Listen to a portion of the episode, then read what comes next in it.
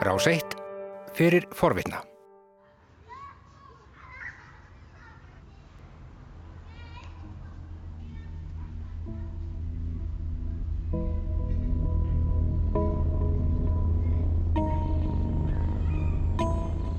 Stóra skýmið er það þá að skatleggja allan almenning. You see, the biggest obstacle to dealing with climate disruptions lies between your ears. Þannig að okkar dýrategundir við þróast yfir í það að, að vera ekki of raunsæ. Við getum lítið bara á þetta er svo dópdílar. Eh, ástæðan fyrir þeim gengur vel er það að það er markaður fyrir þetta. Velkomin í lofslagsterapíuna. Ég heiti Arnhildur Haldunadóttir og ég er í afneitun. Ef að lofslagsbreytingar eru raunveruleg ókn við mannkynnið, ef það er í alvörunni, svona áriðandi að draga lósun, af hverju er ekki lungu búið að taka til hendinni? Af hverju er ekki búið að koma neitt svona... Guð blessi Ísland. Af hverju hafa lofslagsmálinn árum saman verið bakgrunnssuð sem að umferða niður inn og skarkali dagsins kæfa? Það er eins og við lifum í tveimur heimum, í öðrum þeirra eru lofslagsbreytingar raunveruleg ókn, hinnum ekki og við vinslu þessara þátt að hefi stundum spurt mig hvort að ég sé ekki miskil eitthvað.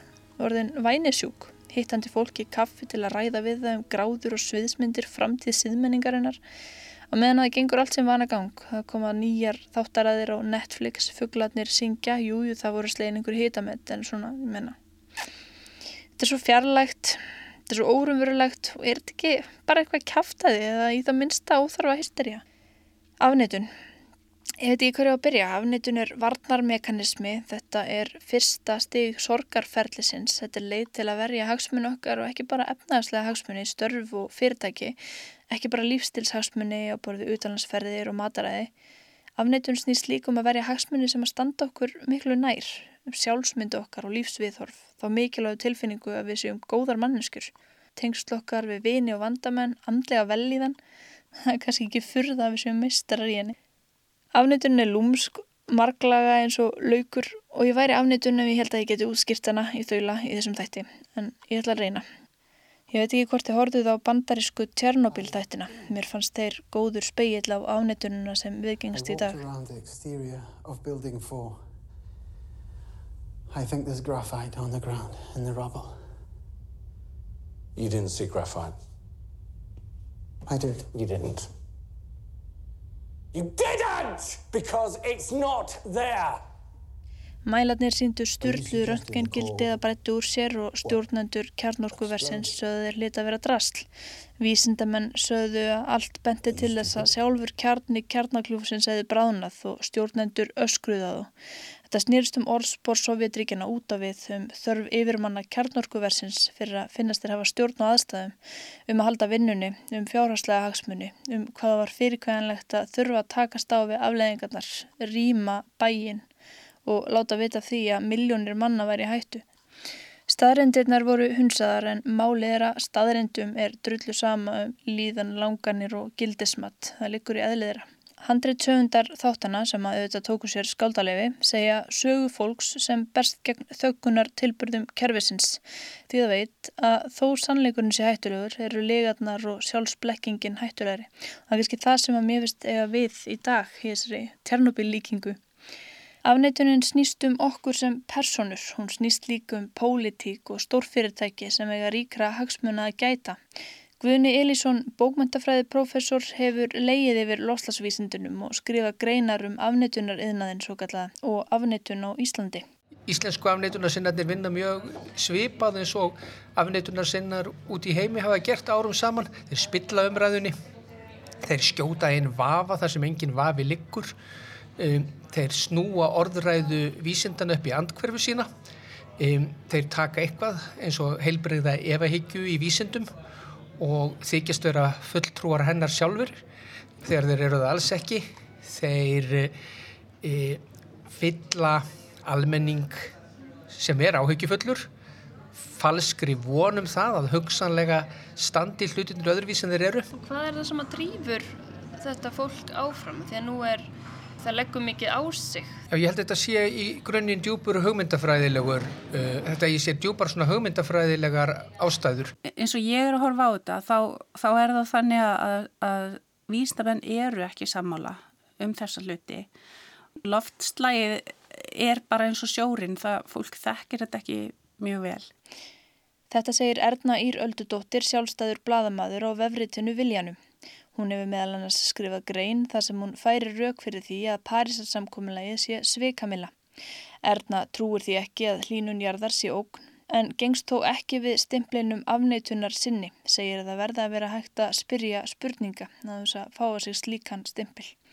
Erna talar um IPCC skýslunar og nefnir fjölmiðla fárið í kringum Climate Gate tölvupústa lekan. Hún telur að vísindamenn hafi hagrætt sannleikanum í annarlegum tilgangi og nefnir sérstaklega Al Gore. En þessi maður á opboslega mikið af kólefniskvóta.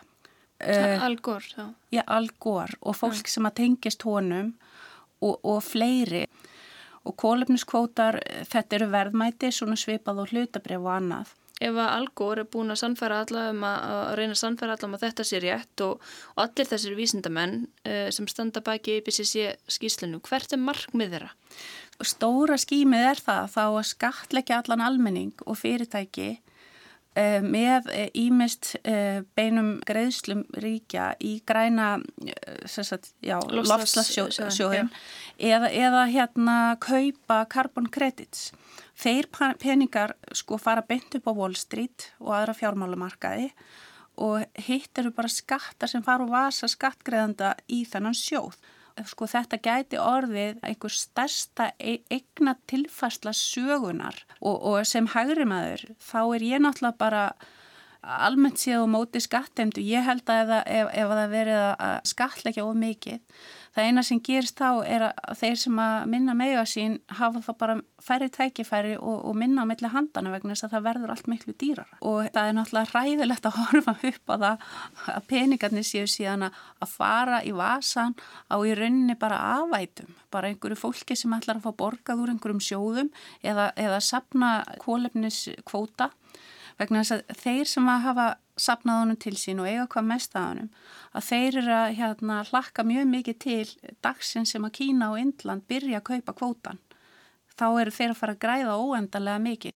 Þungin í loslasumræðinu hefur aukist og þeir sem ekki trúa því að loslasbreytingar síða mannaveldum eða telja ógnin síða upp blásinn hafa látið sér heyr upp á síðkastið, kannski meirin áður. Sumir hafa skrifað bladagreinar, aðrir er ekki jafn málefnulegir, velja að fara í mannin frekar en málefnið, ráðast til dæmis á Gretu Thunberg. Hún er ofdegruð og fanatísk og vitum ekki bara að við hættum öll að anda það. Það talaði um hræðslu, áróður, barnakrossferðir og önnur mál síðu mun brítni en lostasmálinn. Umhverfstofnun sá nýlega tilefni til að senda frá sér yfirlýsingu. Í ljósi umræðu þar sem borið hefur á þeim sjónarmiðum að loftslagsbreytingar, hlínun af mannavöldum eigi sér ekki stað eða að umræða vísindamanna um þau mál leitist af íkjum, vil umhverfstofnun árétt að loftslagsbreytingar eru staðarind. Mýmarga rannsóknir sína að svo er. Áhrifin verða alvarleg ef ekki verður grepið í taumana.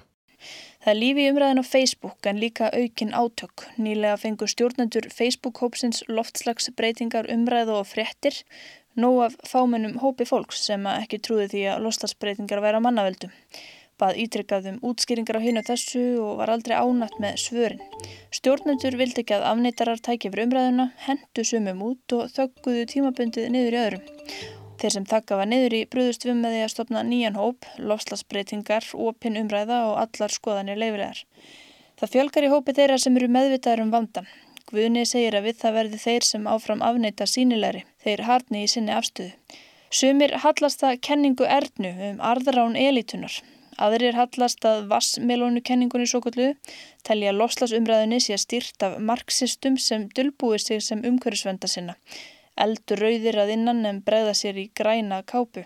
Guðni segir þetta byrtingarmyndir afnetunar sem byggir á hugmyndafræði. Það er mjög stór hluti þessara einstaklinga eru svona uh, nokkuð rótækir nýfrjálfsykjumenn og það sem þessir einstaklingar óttast er það að ef það eigi að fara að bregðast við þeirri þekkingu sem liggur á borðinu þá þurfum við að fara að skatleggja eh, eldsneiti og það hafi neikvæð áhrif á efnahægin E, þetta þýðir líka það að ríkið þurfu á einhvern hátt að fara að stýra neyslumanna, setja kvóta á kólefni og þetta geti hugsanlega sett henni svona frjálsa markað í hættu.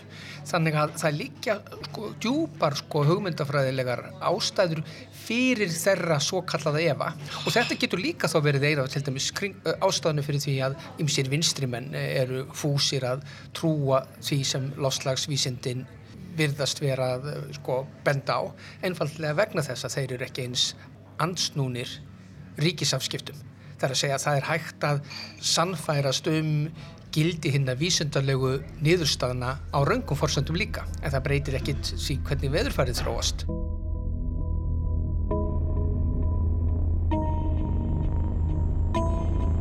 Kenningin um hlínun af mannavöldum er byggð á þúsundum gagna og þúsundum rannsókna og uh, ef við viljum fara að tala um hugmyndafræði þá hefur við miklu frekar að spyrja hvað ætlum við að gera við það sem við vitum núna? Við getum rökrætt e, það hvernig við ætlum að bregðast við þessum vanda á hugmyndafræðilegum fórsendum hvort að við ætlum að ríkisvæða það hvort við ætlum að láta markaðin um hlutin eða ekki.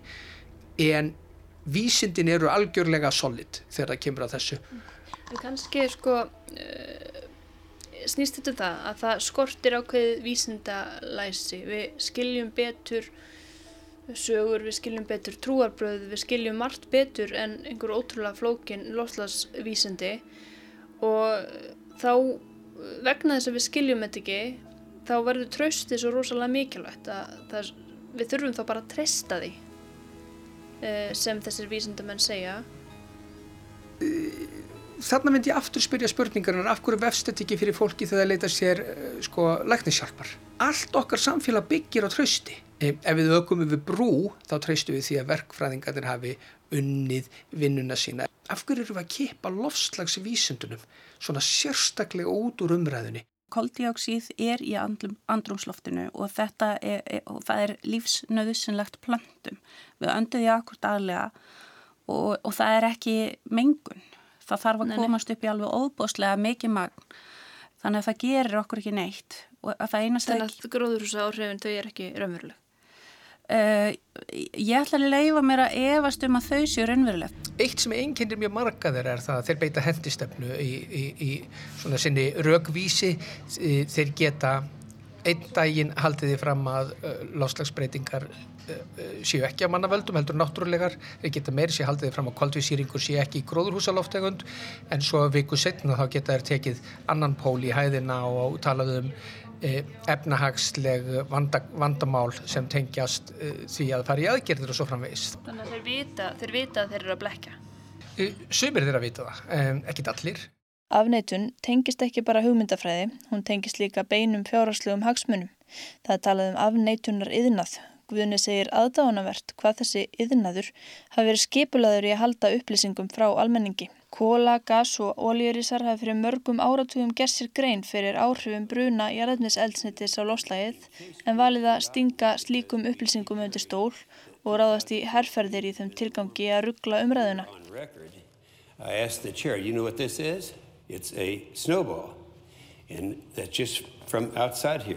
So very, very cold out, very unseasonal. So here, Mr. President, catch this. Fyrirtækin hafi dælt miklum fjármunum í þá sem halda á lofti bóðskap þeirra, dreift fölskum gögnum og herjað á umhverfisbladamenn og stjórnmálamenn. Allt í þeim tilgangi að sá fræjum óvissu. Þetta var marg reynd aðferð þar að segja að uh, draga fram efa að versla með vafan. Þessir einstaklingar hafa stundu verið kallað merchants of doubt. Þeir versla með vafan. Þeir lærðu þetta úr tópaksiðinaðinum tópaksiðinaðurinn hafiði unnið með þetta. Þeim tóst að fresta alls konar aðgerðum helsuverndara aðgerðum stjórnvalda í 30-40 ár. Reykinga-iðnaðurinn tók út úr siguriðnaðinum. Siguriðnaðurinn byrjaði á svo að þreyði ára tók síðustu aldar. Þannig að þetta er gömul og margreint aðferð. E, ástæðan fyrir því, ef við getum lítið á þetta, þetta er svo dópdílar. E, ástæðan fyrir því þeim gengur vel er það að það er markaður fyrir þetta. Og hver er markaðurinn? Markaðurinn er almenningur sem vil helst ekki þurfa að takast á við vandamálið og að það er þetta kannski sem gerir lofslagsbreytingar að svo djöfulegu vandamáli. Stundum finnst mér alveg gaman, stundum finnst mér það bara ekki Stundum vil ég vera einn en stundum mikka ég það ekki Þarf ég að vera konsistent, kannski langa mig það ekki Í dag líður mér svona en á morgun öðru vissi Já, nú eru spjótum farin að beinast á okkur, mér og þér, afneituninni innra með okkur. Hvers vegna gerum við ekki meira? Getur verið að við höfum bara ekki fengið þessi skilabóð. Þau hafi verið svona lost in translation.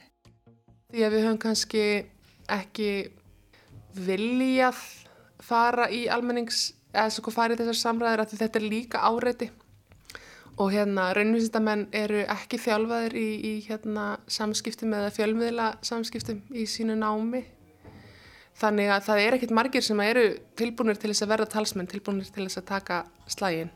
Það er náttúrulega aldrei öðru sér á Íslandi heldur en í útlöndum en þú þarfst alveg að vera sérstaklega gýraður í það að, að reynlega nenn að taka stáið e, þessa stóru hagsmunnaðila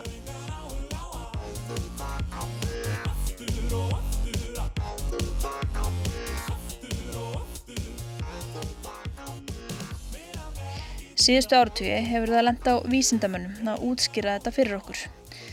Vísindamennir eru búinir að endur taka sig, aftur og aftur, taka slægin við reyna að sannfæra. Elin Björk Jónasdóttir, viðfræðingur, segir að undanfarið hafi verið lögð ríkari áhersla á að reyna miðla vísindunum á mannamáli. Tungutak vísindana hefur nefnilega þvælst fyrir og þótt útrættir úr skýslum milliríkjanemdar saminuðu þjóðuna séu aðgengilegir.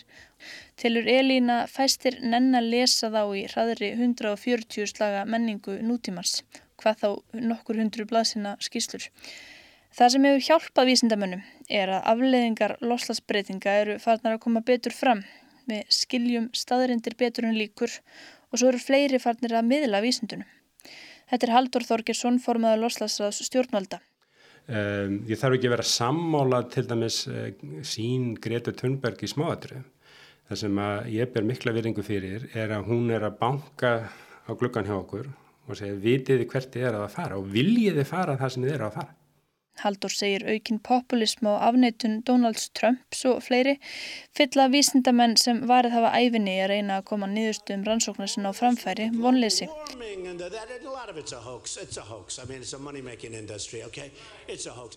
En ég held að sé líka mjög mikil kvartning uh, fyrir vísindamenn að fá leittóka eins og Greti Thunberg sem er að lesa skýslunar því að það erfiðasta sem að ég held að, að getur, þetta er svolítið beða læknir sem að segja sjúklingi eitthvað og, og, og sjúklingurinn hlustar ekki. Við verðum líka að gera okkur grein fyrir því. Það eru margir sem er að grafa undan vísindunum og staðnindinu svo það er ennþá meira fjármagn sett í það að grafa undan vísindunum heldur en að kynna vísindin, njöðstöðu þeirra. Það eru auðvitað miklu öðvöldra að trúa staðrindum heldur en spá og þess vegna kannski er fólk líka núna farið að skoða þetta. Og við eigum öll rosalega erfitt með það að trúa e, því að við séum sjálfa að gera eitthvað sem að komi til með að skerða okkar lífskeiði og annar lífskeiði einhver tíman í framtíðin og það er rosa auðvelt að íta því frá sér. Ég held að þetta sé bara svolítið svipað og, og hjartasjúklingar, þú veist, þeir fá mögulega einhverja fyrirvara verki og er sagt að taka sig á en gera það ekki fyrir en að þeir fá áfallið að núna ertu næstu því dáin, nú þarf þetta að fara að gera eitthvað, þá allt í einu snýst heimurinn við sko. Það sem við þurfum að læra núna er að taka í taumana áður en að áfællunum kemur og þess vegna erum við núna held ég á mjög spennandi tíma í þessu samtali millir vísind og samfélags og, og við þurfum öll að, að, að taka þátt í þessu en það þarf líka að þróa málfar og framsetningu sem er auðveldar fyrir okkur að takast á. Einmitt þetta hafa sálfræðingar verið að skoða. Uh, ég heiti Gró Einarsdóttir og ég er doktor í félagsálfræði uh, og hef haft uh, doldið mikið áhuga á loftlagsmálum hvernig, hvernig manneskjan kemur inn í þetta allt, hvernig við kannski bregðumst við og hvernig hægt að hafa áhrif á, á haugðum fólks og líðan. Loftlagsbreytingarnar eru eitthvað sem hefur sín grunn í vísindanum og En það eru kannski líka vísindamenn og kannski aðla náttúruvísindamenn sem að hafa haft svona uh, ábyrð á því hvernig við ætlum að tala um þessi málefni og, og það hefur verið kannski svona mikil áhersla á að, að færa fram rökin og, og sannfæra fólk og ef, að, ef að við bara útskýrum nóg vel uh, um hvað þetta snýst að þá allt í einu eigi fólk eftir að breyta allir hæðunum sinni. Þetta að, að það hefur skila litlum árangri að vera að reyna að útskýra þetta betur og betur uh, er kannski ástæðan fyrir því að fólk hefur sko reynd að leita meira eða svona fattað að, að sálfræðin skiptir máli hérna. Að þetta er ekki bara spurning um einhvers að, að fólk sé með of litla þekkingu heldur er þetta líka spurningum svo miklu meira mannlegu hliðina og hvernig við bregðust við þessum upplýsingum, hvernig við vinnum úr þeim bæði hvernig það hefur áhrif á hvernig við hugsaum en líka hvernig tilfinningar það vekja og hvernig tilfinningarna svo geta haft áhrif á hegðununa. Þannig að kannski boltir svolítið komin yfir til ykkar náttúruvísindamennir eru orðinir frústiraðir og þreyttir og kannski bara kulnaðir og nú á reyna sálfræðingana, eða hvað? Já, mögulega. Ég vona allavega að þetta getur verið kannski freka þannig að maður sér að það eru bæði náttúruvísind og félagsvísindin sem að þurfa að saminast í þessu eða bara mjög margi kraftar sem að þurfa að saminast og það er hérna einhver hlið sem að maður þarf að hugsa um. Það sem að ég hef oft pælt í er sko mér finnst ofta eins og að til þess að gera eitthvað í loftlagsmálunum þá ætlar maður fyrst einhvern veginn að breyta manneskjörum maður ætlar að sannfara þau, maður ætlar að breyta skoðunum fólks og viðhunum fólks. Uh, og það væri svona hægt að snúa dæminu stundum aðeins meira við.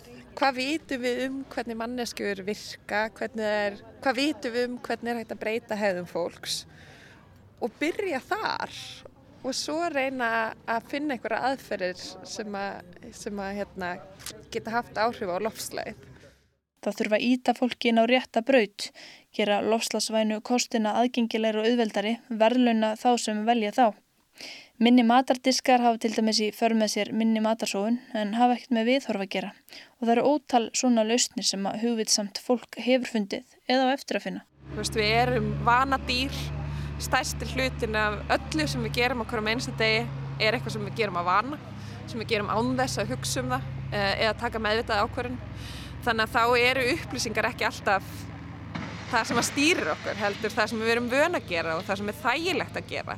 Eh, og því miður er það bara þannig að það sem við erum vöna að gera og það sem er þægilegt að gera er oftast eitthvað sem er kannski ekki sérstaklega gott fyrir lofslæðið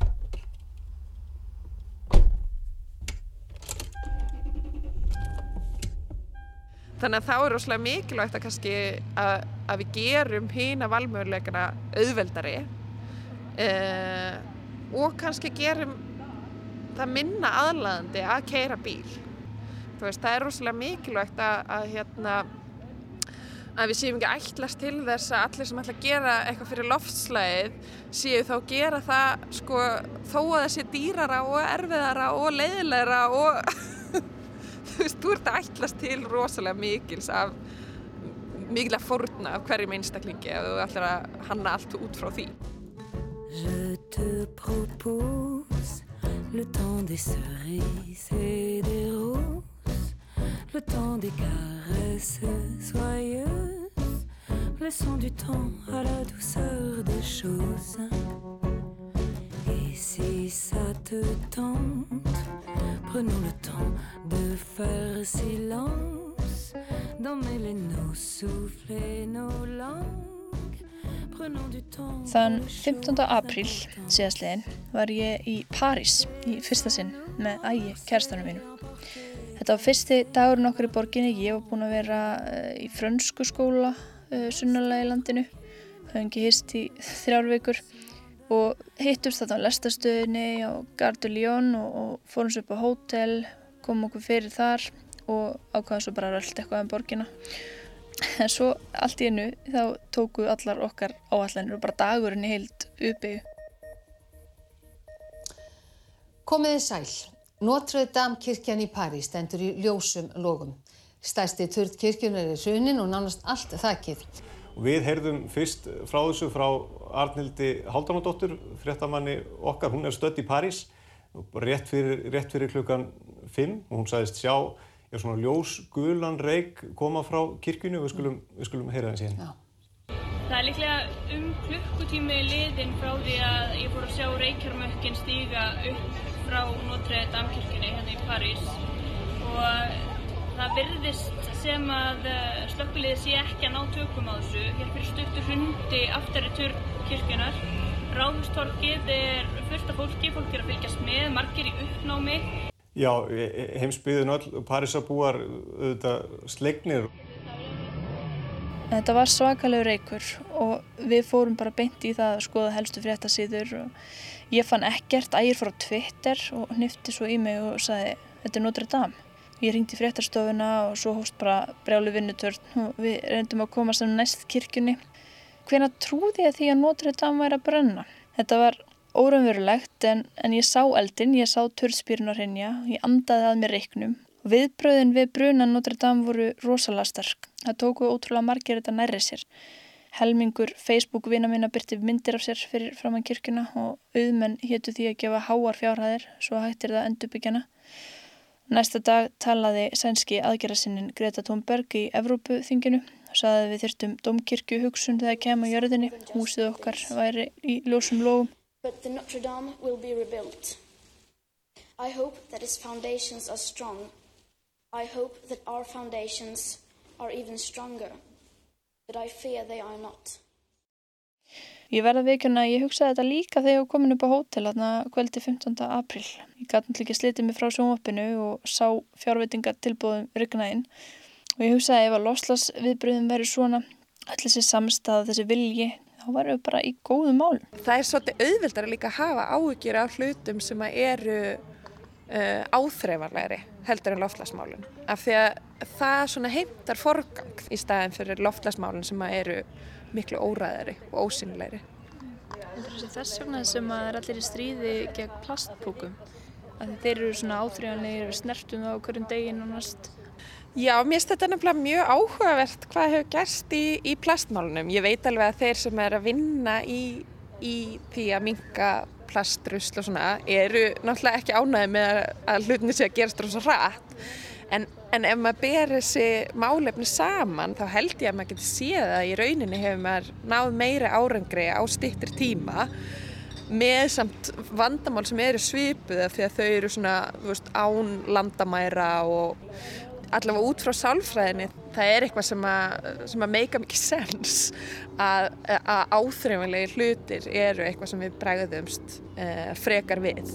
Og þess vegna held ég að maður þurfa að vera svo sálfræðilega klókur til þess að ná árangri í loftlasmálunum af því að við erum kannski svolítið að vinna gegn hvernig kerfið okkar virkar. Að það virkar miklu betur á áþreifanlega hluti sem eru nálagt okkur bæði rými og tíma. Áþreifanleiki Loslasbreytingar eru ekki áþreifanlegar þær eru ekki staðsettar í miðborg Parísar við sjáum ekki reykjarmökk stíga upp á þeim þær áttu sér stað þann 15. apríl vissulega en þær eiga sér líka stað alla aðra daga og það er erfitt að ná utanum þær. Það eru allstaðar og hverki en aðalega einhver staðar annar staðar fyrst okkur. Og það eru núna en kannski aðalega í framtíðinni og það er erfitt að draga skýra línur millir gjörða okkar og aflegginga þeirra.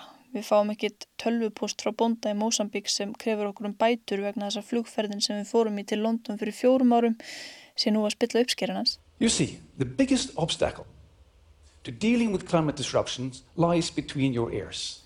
Norski sálfræðingurinn Per Espen Stoknes hefur fjallað mikið um hvers vegna við gerum ekki meira þrátt fyrir að við veitum svona mikið. Hann talar um innri varnir. Ein er fjarlæðinn og óáþrjáanleikin. Við tengjum ekki við árin 2050 og 2100.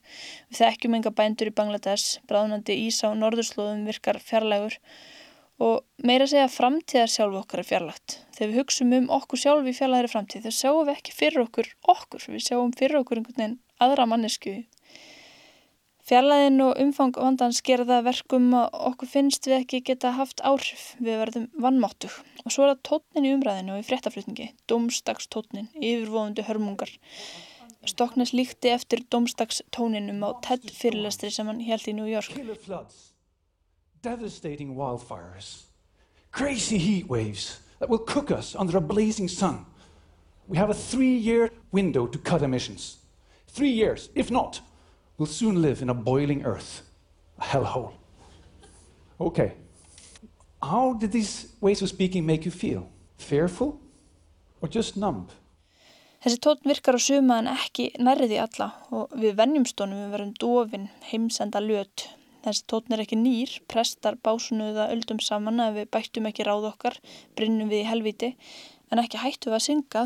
Og svo var það kjarnorku ókunin og reynstan og henni kemur kannski í veg fyrir að sumt fólk á miðjum aldrei finni til óttakakvart lofslagsókuninni. Síðasta tilvastarókunin nefnilega gufaði ég næstuði upp það íttengin á rauðatakkan. Þriði varnarmekanismin er geta okkar til að lifa við ósamræmi. Við vitum að það er slemt fyrir loslægið að keira bensínbíl, fljúa, borðar aukt kjött. Samt gerum við það mörg og okkur líður kannski eins og hræsnurum pínlutið. Okkur finnst vandamáli alvarlegt en lifum samt lífinu eins og það sé það ekki. Og það er óþægileg tilfinning og við viljum losna við hana.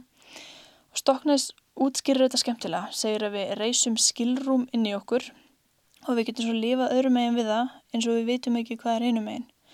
Við vitum að það er mengand að fljúa en við bælum þá vittnusku nýður svona rétt á meðan að við bókum fjölskyldufríði til Teneríf. Það máli er það maður, maður sefur alveg fyrir þessu en þetta er náttúrulega einhvern veginn hangir yfir manni alla dag. Ég held að ég hugsi um loftslagsmál á hverjum einasta degi og, og stundum er maður alveg bara mjög innbyttur í því að reyna að haga lífið sinu þannig að, að það skaði náttúruna sem minnst en svo koma tímar þar sem maður einhvern veginn svona bara leiði sér eitthvað sem maður veita er í, í hérna, óþökk náttúrunar í rauninni. Við erum svona svolítið tvöföldi í róðinu og Stoknes segir að tvöföldin sé grundvallar triks sem við lærum þegar við erum börn. Við áttum okkur á einhverju alveg hræðilegu sem við þurfum að lifa með eins og því að mamma og pappi eftir að deyja eða það sé verið að drepa börn í sprengjuárasum í fjarlægum löndum þurfum að læra að lifa með því því að við gerum það ekki þá bara getur vorið þunglind. Þannig að þessi færni til þess að lifa samtímis í tveimur heimum þróast snemma. Ef við getum látið okkur líða betur með því að réttlæta hefðun okkar þá gerum við það. Við getum bent á vinnufélaga sem fyrir ofta til útlanda eða keri stærri bíl eða það sem á almennt við um aðra í ekki við um okkur. Ísland er djöfusis rók raskat og við þurfum á skjóli yngabílsins að halda. Ef við getum sannfært okkur um að lofslagsbreytingar séu ekki raunverulega ógn, þetta séu bara náttúrulega sveiblur, þá líður okkur líka betur. Afneitunin snýst líkum sjálfsmynd og gildin okkar og sjálfsmyndin borða staðrindir í morgumatt.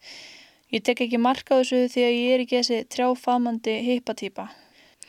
Stoknaðis bendir líka á að við erum hjarðtýr. Við tökum ekki bara ákvarðanir einu sjálf, heldur tökum við miða því hvað aðrir gera og hvað þeim finnst. Ragnar Benedikta Garðarsdóttir, dósend í félagssálfræði við Háskóla Íslands, útskýði fyrir mér hvers vegna við flýjum í afneitununa, meira segja við sem að trúum vísindunum. Það er vegna þess hvernig heilin á okkur er. Þegar við erum upptekin af einhverjum skamtíma hagsmunum eða erum með einhver verkefni í gangi, þá erum við ekki samtímis að hugsa um allar jarðabúa og mögulegar afleðingar þinnar hegðunar í framtíðinni.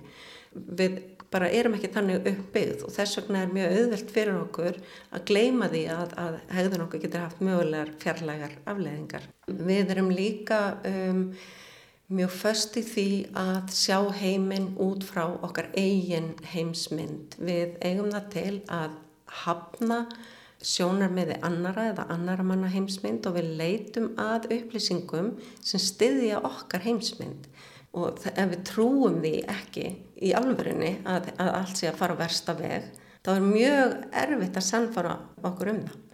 Og þess vegna hafa margir eh, vísindamenn hægt að reyna að benda fólki á að þessi loftslæði sem þarf að breyta uh, heldur að benda fólki á alla mögulega svona um, mögulegar aðrar jákæðar afleðingar eða hliðaverkanir þess að breyta okkar hegðun að samfélagi verði betra að lungun okkar verði hreitni, jafnvegulega húðin verði hreitni og börnin eh, hristari og svo framvegis. Það sé svo margt annað jákvæð sem þarf að horfa á annað heldur en eh, bara að, að draga úr lofslags En er ekki bara eðlilegt ef að, ef að rauninu svo allt fara versta vega að við afneitum þessum rillilega veruleika alveg eins og við erum ekki alltaf að hugsa um það hvort að við deyjum í ræðilegu slísi eða hvernig síðustu andartök okkar verði eitthvað svo leiðis. Akkurat, sko. þeir sem er með eðlilegan hugsunarhátt og það segir svona dálta einan gæsalappa, þeir eru svona dálitið hallast í átt að bjart síni. Við horfum á heiminni gegnum svona svolítið eh, rósröð glerugu við vanmetum til dæmis líkurnar á að við verðum veik, við vanmetum líkurnar á að við lendum í bílslisi. Við höldum alltaf að hræðileg hlutir komi ekki fyrir okkur. Þeir sem e, eru sífælt með líkurnar á að eitthvað slæmt komi fyrir á heilanum þeir verða þunglindir.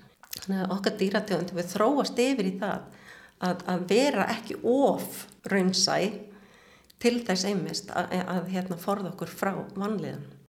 Hvernig rýfum við höfuð upp úr sandinu? eins og Ragnar kom inn á, það hvernig vandin er settu fram skipti máli. Þegar talað er um jákvæð heilsufars áhrif, minni loftmengun, ný störf, snjallari borgir, aukin lífskeiði, er fólk tilbúinara í aðgerðir en ef málið er upp domstagsmynd og talað um fórnir. Gróð talaði líka um að breyta hegðun okkar með því að breyta aðstæðum okkar, kerfinu. Gott dæmi um þessa tækni eru flugur í pissuskálum. Karlar hættunastum að pissa út fyrir þegar þeir höfðu eitthvað að miða á. Stoknist talar um að gera okkur kleifta sér árangur á aðgerðum okkar. Það er líjandi að leggja harta að sér við að draga úr eigin lósun og horfa svo upp á heimslósunum og aukast. Annars konar endurgjöf getur hjálpað. Stoknist þingur upp á því að kólefnisspór varningsins sem við kaupum verði að finna í heimabankanum. Getur við skoða bara mánuð fyrir mánuð hvernig hún gengur. Og svo er þetta að spila á hjartýrs eðlið okkar. Rannsókn á því hvað hvati fólk helst til að draga úr orkunótkun á heimilinu síndi að það var ekki umhverfis hugssjón, það voru ekki áhyggjur af framtíð barna og barnabarna eða sparnaðarvon. Það sem hefði mest áhrif var hvar fólk stóð með við nágrannana. Það vildi halda í við nágrannana. Þeir sem er að gera mest í þessu, þeir eru þeir sem að ná að vera með einhverjar ósamrýmalega tilfinningar í sér á sama tíma. Að maður getur bæði haft áhyggjur og séð að loftlags vandamálun eru mjög alvarleg en á sama tíma reynda þú veist, halda í, í vonina. Þannig að og það kannski ekki svona krefst líka bara ákveðins þroska að komast á þann stað. Ég held að margir kannski fari gegnum það sem að kynast lofslagsmálunum að maður fyrir gegnum ákveðið þroska ferli ég allavega, allavega get tala fyrir sjálfa mig að að þú veist, maður var með kannski eina svona svolítið einfalda sín í byrjun að þetta væri einmitt bara, þú þurfti bara að sannfæra fólk og fólk þurfti bara að veit, vita meira um staðræðinar og þá myndi allt lagast. Og meðan núna þá getur maður fundið fyrir bæði áhyggjum, sorg, gleði eh, lítið á aðstæðina sem er rosalega alvarlegar en á sama tíma bara reynda að halda áfram, það er ekkit annað í bóðin að halda áfram Við erum búin að tala um alls konar afnettun en ég er ekki alveg tilbúin að sleppa Guðna og Ernu. Guðni treystir vísindunum, Erna telur vísindin spilt en um eitt er þau sammála. Um það að til að draga á losun þurfi gríðarlegar aðgerðir og að parisarsamkommalagi duði ekki til. Greta Thunberg hafi rétt fyrir sér að einu leiti að, að, það, er, að, að það sem verið er að gera er ekki fallið til árangus vegna þess að samningurinn gengur út af það að ríkið sem að losar mest og þriðja mest að þau fái að tvöfald að sína losun að næstu tíu árin og fyrst þá setja þau þak á það og þau eru ekkert að fara að draga úr því eftir það, þau eru bara að fara að kaupa sér þessa kvóta. Á síðustu svona 20 árum uh, þá hef ég varið talsverðum tíma að skoða rauk lofslagsafneitarana og uh, ef það er eitthvað sem þessi hópur skilur þá er það umfang vandans. Og ég myndi segja að ef þú myndir skoða til dæmis e, það er lausnir sem margir svona frjálslindir vinstri sinnaðir einstaklingar leggja fram að þá hrakka þeirra afskaplega skamt umfangið er miklu stærra aðgerðirnar sem við þurfum að fara í þeir eru miklu dýbri og ef við förum í þeirra aðgerðir sem eru nöðsynlegar þá munum þær leiða eh, til efnahagskrepp. Vandin við frálsíkjumennina sem setja þessi rauk fram er það að þeir greina í einhverjum skilningi orðsins umfang lausnana rétt og svo segja þeir en þetta skiptir ekki máli vegna þetta er allt feik. Byggir Parísasamkomlægið og það að það verði hægt að halda hlínunjarðar innan við tvær gráður á óraunhæfri bjart síni og von. Það byggir á bjart sín og von, það er ekki spurning og uh, ég held að almenningur átti sig ekki almennilega á því hversu gríðarlega erfitt það verður fyrir alþjóðarsamfélagið að halda sig innan þeirra marka. Það er nánast útilokað að takist. Vandin er þessi. Ef við gerum ekkert, þá leiðir það til sko, miklu, miklu, miklu meiri hörmunga. Heldur en það að við förum í, í, í djúpar og miklar aðgerðir. Líðræðið verður það fyrsta sem fer þegar menn fara að berjast um vatn, þegar menn fara að berjast um nöðþurftir við hefum ekki að fara á þann stað þannig að ég rauninni skil ekki hvernig e, e, þessir einstaklingar sem hafa í rauninni ekkert fyrir sér þeir eru að nota drasl heimildir þeir kunni ekki einu svona að vinna með heimildir e, e er að fullera svona lagað Þarna var kannski dómstagstótnin aftur. Guðni brennur fyrir loslasmálunum og er búin að skoða afneitununa í 20 ár. Eftir viðtalið spurði ég hann, hvað ef þetta er nú bara eitt stort samsæri? Það verði það besta sem getur gerst, saðan, og viðkendi að hann séur hún alltaf að leita einhverju sem að renni stóðum undir það að þessi ógn sé ekki raunveruleg. Hann bara finni ekki slíku gögn því miður.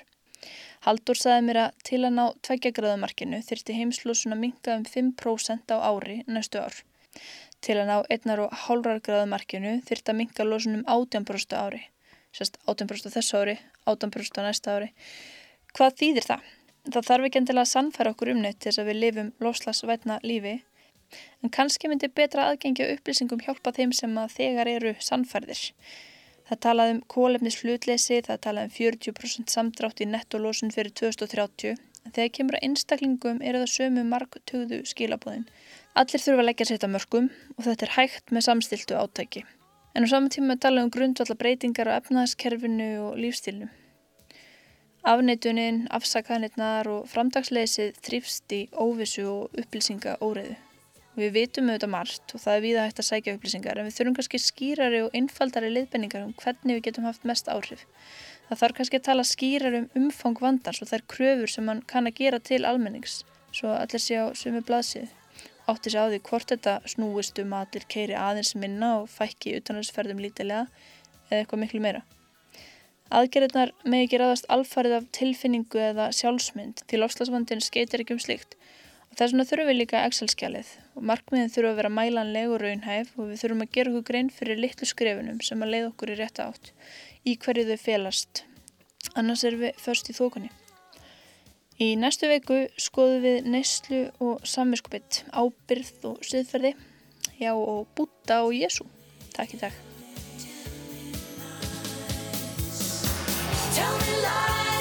Sweet little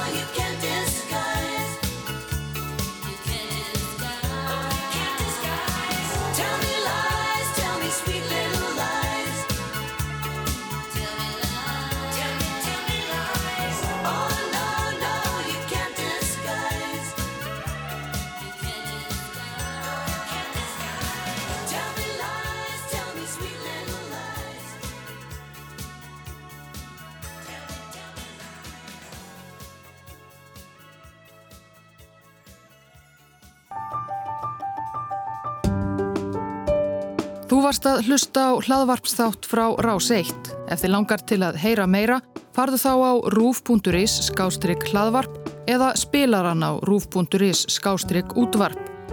Rás 1 fyrir forvitna.